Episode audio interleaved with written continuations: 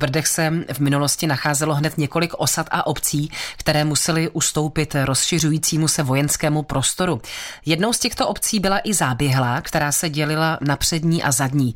A víc už nám o této lokalitě poví kurátor sbírek Podbrdského muzea v Rožmitále pod Třemšínem Rudolf Šimek. První zmínka o záběhle je z roku 1733, ale už o šest let dříve rozhodl arcibiskup František Ferdinand z Knímburgu, že pod horou Kocůrov založí osadu. Záběhlou tehdy obsadil českými osadníky. Ta obec byla založena v nadmořské výšce 680 metrů nad mořem, což je teda poměrně hodně, muselo to být tvrdé živobytí. Čím se živili tady obyvatelé záběhlé? Především se živili uhlístvím, pravděpodobně se tady těžila smola, zpracovávala kůra na tříslo a podobně. V podstatě hlavně ta lesní řemesla. Tu obec založilo 12 rodin, z nich každá dostala necelých 120 metrů čtverečních na postavení obydlí a přibližně 3,5 hektarů polí a luk na obživu. Nově příchozím byla na 12 let odpuštěna robota. Záběhlá byla nazývána také jako Mozolov. O tom je legenda. Místní už tak tady měli tvrdé živobytí, ale dráp je honil do tvrdé práce a když jim došla trpělivost, tak vyrazil starosta se dvěma radními stěžovat si k vrchnosti. Jako argument, že té práce až příliš, ukazovali své mozolnaté dlaně. Bohužel po nějakém čase, kdy se pracovní podmínky nelepšily, tak si přišli stěžovat ještě jednou. A už od dveří je vrchnost vítala slovy a mozoláci jsou tu zase. No a netrvalo dlouho a tato přezdívka se vžila. Záběhlou nebo chcete-li Mozolov čekali ale později ještě horší časy byla vlastně na dvakrát vystěhovaná, poprvé v roce 1941, když němečtí okupanti tady chtěli mít střelnici, ale tehdy ještě zde mohli zůstat důležitý řemeslníci, jako třeba dřevorubci. Osud byl spečetěn při rozšíření vojenského prostoru, takže již v roce 1951 byly postupně přední i zadní záběhla vystěhovány spolu s obcemi Padrť, Kolvín, Hrachoviště a Velcí a později kolem roku 1954 už tady nestal jediný dům. Takže tak, jak tady stojíme na takové cestě, je to vlastně odbočka z takové té hlavní asfaltové cesty,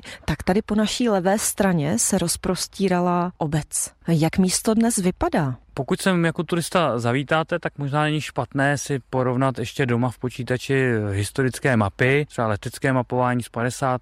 let nebo císařské otisky se současným stavem, abyste věděli, kde lépe hledat opuštěné zahrady a základy domů. Ale pokud sem přijdete nepřipraveni, tak je to v podstatě, jak kdybyste byli v lese. Místy uvidíte mítiny, malé loučky. Jak se sem turisté dostanou? Poměrně snadno po turistické stezce od padrických rybníků, tam, kde byly domy, uvidíte ovocné stromy a dá se trošku ta vesnice vytušit. Po revoluci 4. května 1992 byla založena společenská organizace Snaz vyhnanců z Brd, která dlouhodobě usiluje o obnovení obcí Kolvín, Padrť a Záběhla a hlavně se bohužel neúspěšně dožaduje spravedlivého očkodnění. Obyvatelé dočených obcí si prožili nepříjemné chvíle, když byli v průběhu několika let hned na dvakrát násilně vystěhováni. Členové svazu poukazují zejména na to, jak za druhé vlny vysídlování nebyly dodržovány platné zákony a do dneška se v podstatě stát s nima nevyrovnal. Když usilují o tu obnovu, bylo by to vůbec možné bydlet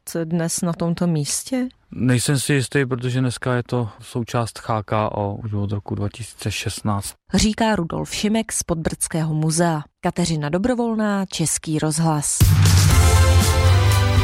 Český rozhlas Plzeň, rádio vašeho kraje.